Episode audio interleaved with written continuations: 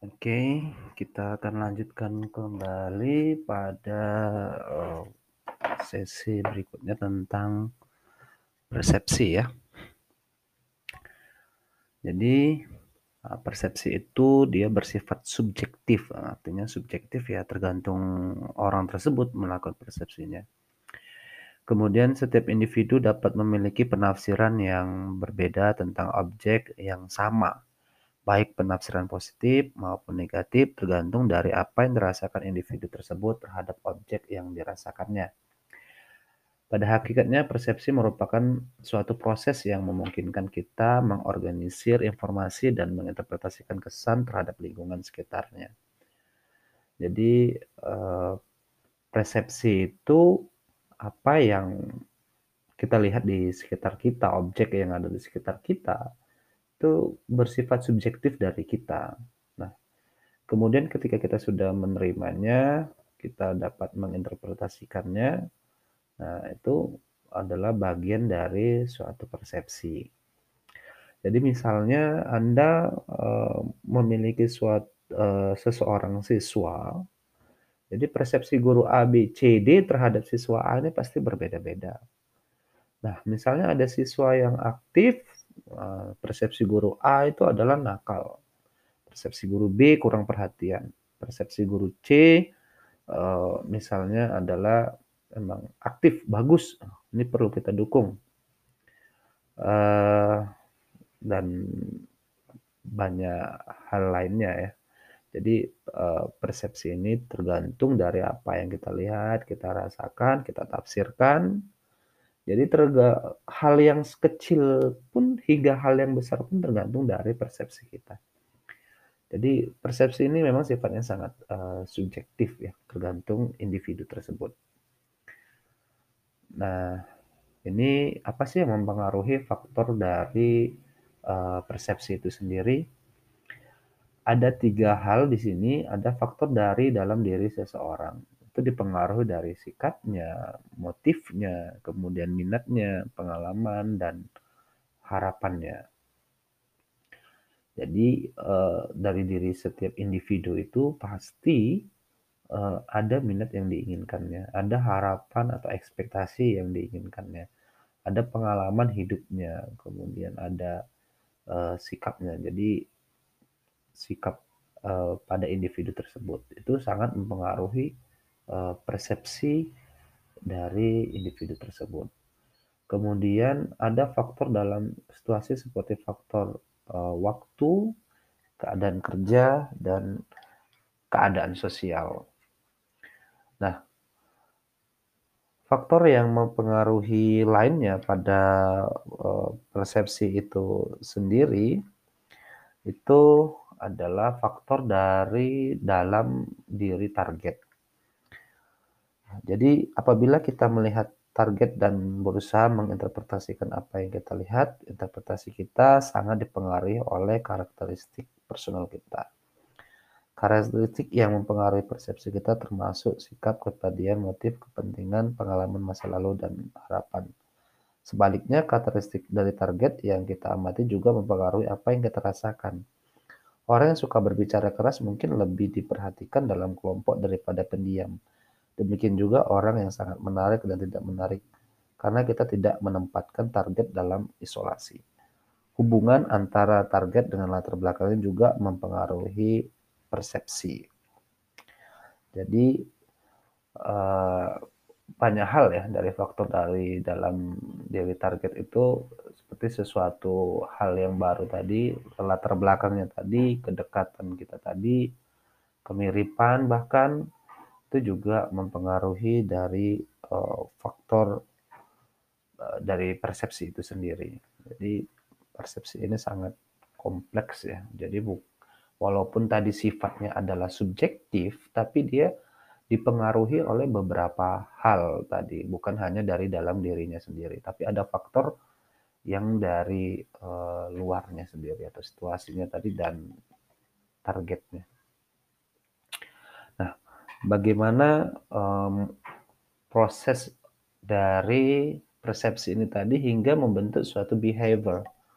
Jadi ada environment stimulus atau stimulus uh, lingkungan ini yang saya katakan tadi seperti uh, rasa, kemudian yang kita dengar, yang kita lihat, ke itu akan menjadi selective attention dan akan membuat uh, respon emosi. Jadi misalnya kita uh, persepsi tadi pada anak yang nakal atau siswa yang nakal itu kita melihat karena ada uh, polanya ya, ada ada pola kenakalan uh, keaktifannya sehingga kita bisa menyimpulkan persepsi tadi itu suatu oh anak ini tersebut kita bisa menginterpretasi menginterpretasikan anak tersebut menjadi uh, anak yang yang nakal gitu ya. Nah, jadi seyoknya ya, kita itu uh, banyak yang uh, disaring terlebih dahulu pada walaupun apa yang kita lihat tapi biasanya itu ada uh, penyaringan. Nah, jadi kemudian sisanya itu baru kita organisir dan kita interpretasikan nah jadi selective attention ini dipicu oleh sesuatu atau orang yang mungkin di luar konteks seperti mendengar seseorang berbicara dengan aksen lain. Jadi ada uh, pemicu lainnya ya uh, pemicu kita seleksi itu dari apa yang kita lihat, apa yang kita rasakan, kita dengar, kemudian akhirnya kita membuat suatu respon emosi gitu pada uh, diri kita. Yang itulah yang menjadi suatu persepsi uh, diri, persepsi organisasi termasuk dan interpretasinya. Jadi dari yang orang-orang tadi ini kalau kita cerita dalam dari segi organisasi atau dari segi kelompok otomatis yang saya katakan tadi contoh misalnya anak yang nakal nah di situ eh, padahal anaknya ini ada yang mengatakan aktif nakal kemudian butuh perhatian nah itulah yang akan menjadi suatu uh, respon emosi persepsi dari masing-masing individu nah mas persepsi dari masing-masing individu inilah yang akan uh, diinterpretasikan diinterpretasikan di dalam suatu organisasi. Ini jadinya gimana nih? Jadi kalau interpretasinya menjadi hasilnya akan menjadi perilaku. Nah, perilaku ini bisa menjadi suatu keputusan gitu. Jadi keputusan atau keputusan bersama. Jadi tadi persepsi dari masing-masing guru tadi. Kemudian kalau dia ternyata yang digunakan menjadi persepsi organisasinya itu adalah siswa nakal, maka anak ini akan dikeluarkan dari sekolah tersebut atau kita dikatakan DU. Nah, namun ketika persepsi dari guru-guru tersebut membentuk menjadi persepsi organisasinya adalah uh, kurang perhatian, maka guru tersebut akhirnya memberikan suatu perhatian. Tahu anak yang aktif, maka akan diberikan fasilitas. Nah, art artinya kedua hal tersebut tidak uh, menjadi dikeluarkan. Jadi persepsi ini walaupun sangat subjektif pada setiap individu, tapi dia bisa membentuk uh, interpretasi dari persepsi organisasi tersebut. Nah, ini sangat uh, penting ya, bahkan sangat berbahaya juga uh, untuk akhirnya yang uh, ujungnya itu dari suatu persepsi yang uh, bersifat subjektif, akhirnya dia bisa menjadikan suatu perilaku uh, organisasi tersebut dan pastinya menjadi suatu keputusan ya yang harus diambil pada perilaku organisasi tersebut behavior behaviornya. Oke okay, itu uh, proses dari persepsi sendiri nah ada beberapa kesalahan persepsi yang sering muncul di sini ya, seperti fundamental attribution error. Jadi ada kesalahan persepsi karena cenderungnya menghubungkan tindakan orang lain pada sebab internal seperti sifatnya. Sementara untuk sebagian besar mengabaikan faktor eksternal. Jadi kita cenderung uh, kita membuat persepsi si A tersebut karena faktor internalnya, bukan karena faktor eksternal yang juga turut mempengaruhi. Jadi ada satu hal saja yang kita uh, lihatnya. Kemudian ada halo efek. Jadi ada halo efek ini seperti misalnya kita menilai seorang profesor dalam dimensi mengajar dalam kemampuan motivasi siswa. Jadi kalau kita ngelihat uh, profesor kita uh, tahu nggak usah jauh seperti profesor seperti anda menyenangi. Jadi ada guru A, kemudian ada guru B, uh, kemudian si guru A misalnya uh, tidak anda senangin gitu ya. Kemudian si guru B itu anda senangin, maka anda lebih memilih ke guru B. Nah ini adalah faktor persepsi dari uh, halo efek kesalahannya. Ini termasuk kesalahan persepsi. Jadi uh, pentingnya persepsi itu ya memang harus kita organisir tadi ya. Kemudian ada similar to efek. Ini misalnya pada uh, penilaian atasan menilai bawahan.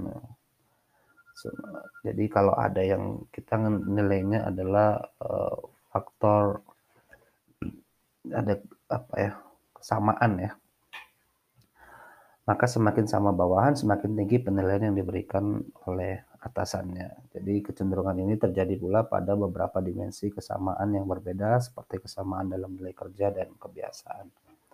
Jadi penilaian ini juga uh, bagian dari persepsi. Jadi ketika kita dalam uh, menilai tadi itu ya ada persepsi semakin sama bawahannya semakin tinggi penilaian diberikan oleh atasannya. Kemudian ada selective uh, perception. Nah, jadi ini kecenderungan memfokus pada beberapa aspek lingkungan sementara itu mengabaikan lainnya. Jadi kita langsung mempersepsi uh, mem, apa ya, memilih satu padahal banyak yang uh, harus kita uh, tampung environment tadi environment uh, apa tadi environment stimulusnya tadi itu banyak namun kita hanya ambil satu saja selective profession.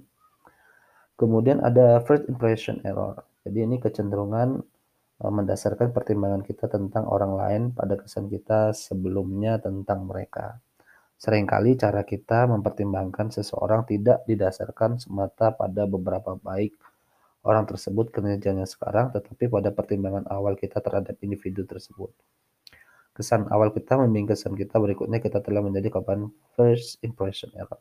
Jadi kadang kita uh, melihat hal yang pertama gitu, hal yang pertama padahal ya ya itu tadi hal yang pertama itu bisa uh, ini sangat pentingnya di hal yang pertama itu dia bisa mempengaruhi sepanjang proses tersebut. Tapi sebenarnya persepsi ini adalah ternyata hal yang salah ya. Uh, jadi kalau itu ada uh, dosen saya dulu mengatakan bahwasannya penampilan itu adalah hal yang pertama dilihat gitu. Jadi itu sangat penting untuk untuk meyakinkan seseorang untuk proses berikutnya. Tapi ini ternyata uh, salah ya, salah kesalahan persepsi, tapi bisa kita gunakan menjadi uh, suatu keuntungan. Misalnya uh, kita melihat uh, persepsi pertama seseorang tersebut baik gitu, maka dengan cara berbicaranya baik, maka kita terbuai dengan ucapannya dan seterusnya. Kemudian ada primacy effect Nah, jadi merupakan kesalahan persepsi di mana kita secara cepat membentuk opini tentang orang atas dasar informasi pertama yang kita terima tentang mereka. Nah, ini um, terlalu banyak ya dari hal yang pertama belum lengkap informasinya tapi kita sudah membentuk uh, opini kesimpulannya. Kemudian ada uh, resensi efek ini kesalahan persepsi di mana informasi yang paling baru mendominasi persepsi kita terhadap orang lain. Bias persepsi ini paling umum terjadi ketika orang, terutama yang pengalamannya terbatas, melakukan evaluasi yang menyangkut informasi yang kompleks, merupakan kecenderungan untuk mengingat informasi yang baru terjadi. Apabila informasi yang baru adalah negatif, orang atau objek dievaluasi secara negatif. Jadi, uh, hal yang informasi ini yang sangat penting ya. Jadi ada informasi baru yang masuk pada pada dirinya uh, bisa membuat kesalahan persepsi. Jadi jadi pentingnya environment uh, stimulus tadi yang uh, perlu akurat ya karena ini sangat membahayakan. Kemudian ada false consensus effect. Ini merupakan kesalahan persepsi di mana kita memperkirakan lebih tinggi terhadap orang lain dan mempunyai keyakinan dan karakteristik sama dengan kita. Pekerja yang berpikir untuk keluar dari pekerjaan berkeyakinan bahwa sebagian besar rekan kerjanya juga berpikir untuk keluar juga. Ini biasanya ada kesalahan persepsi ya. Kita merasa uh, lebih dari yang lainnya. Kemudian ada leniency effect. Uh, leniency effect ini merupakan karakteristik personal yang mengarahkan individu untuk secara konsisten mengevaluasi orang atau objek lain dalam cara sangat positif. Karenanya dapat terjadi menilai tinggi seseorang profesor pada semua dimensi kinerja tanpa memandang kinerja aktualnya. Jadi hanya berdasarkan karakteristik personal individunya saja ya. Kemudian ada central tendency effect ini cenderung menghindari semua pertimbangan ekstrim, menilai orang atau objek sebagai rata-rata atau netral. Ini ya tidak fair kadang-kadang disamaratakan saja. Kemudian ada kontras efek. Ini eh, cenderung mengevaluasi orang atau objek dengan membandingkan mereka dengan karakter orang atau objek yang baru saja diamati. Jadi eh, selalu membanding-bandingkan ini hal yang tidak baik juga ya karena kadang kita membanding uh, tidak bisa kita bandingkan karena tadi kepribadian tadi kan pada setiap orang itu unik ya jadi kalau pada anak anak-anak kita buat perbandingan itu pada siswa kita uh, sangat tidak tepat oke itu uh, secara singkat anda bisa cari informasi lagi atau uh, anda sesuaikan dengan contoh-contoh uh, yang ada pada kesalahan uh, persepsi itu tadi. Nah, bagaimana untuk memperbaiki persepsi itu tadi? Ada tiga yang bisa dilakukan. Yang pertama adalah awareness of perceptual bias. Ini uh, salah satu cara yang paling jelas dan luas dilakukan untuk mengurangi bias dalam proses persepsi dengan menyadari bahwa bias memang terjadi. Kepedulian terhadap bias persepsi dapat menurunkan bias dengan membuat orang lebih sadar terhadap pikiran dan tindakannya, tetapi kepedulian hanya mempunyai pengaruh terbatas. Kemudian yang kedua ada improving self awareness. Jadi sini cara yang lebih kuat untuk memperkecil bias persepsi. Membantu orang menjadi lebih peduli terhadap bias dalam keputusan dan perilakunya sendiri. Kita perlu memahami keyakinan, nilai-nilai dan sikap untuk lebih terbuka dan tidak menyatakan pendapat terhadap orang lain.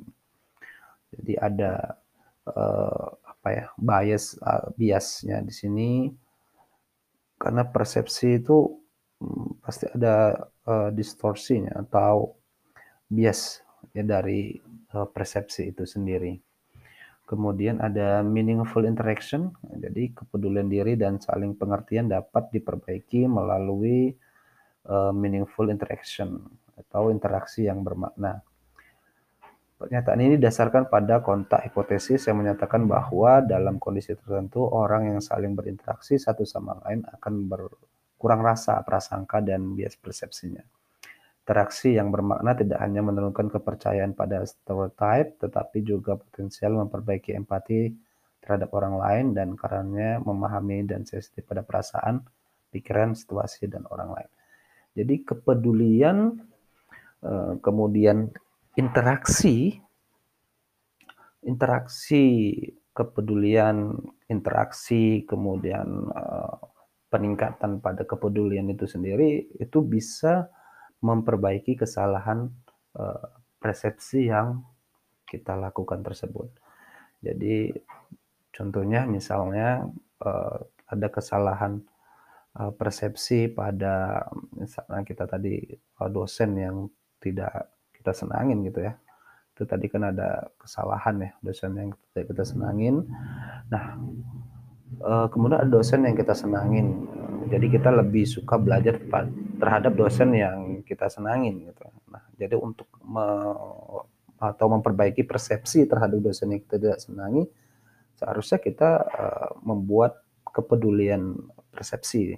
Jadi peduli persepsi pada dosen yang eh, tidak kita senangi tadi.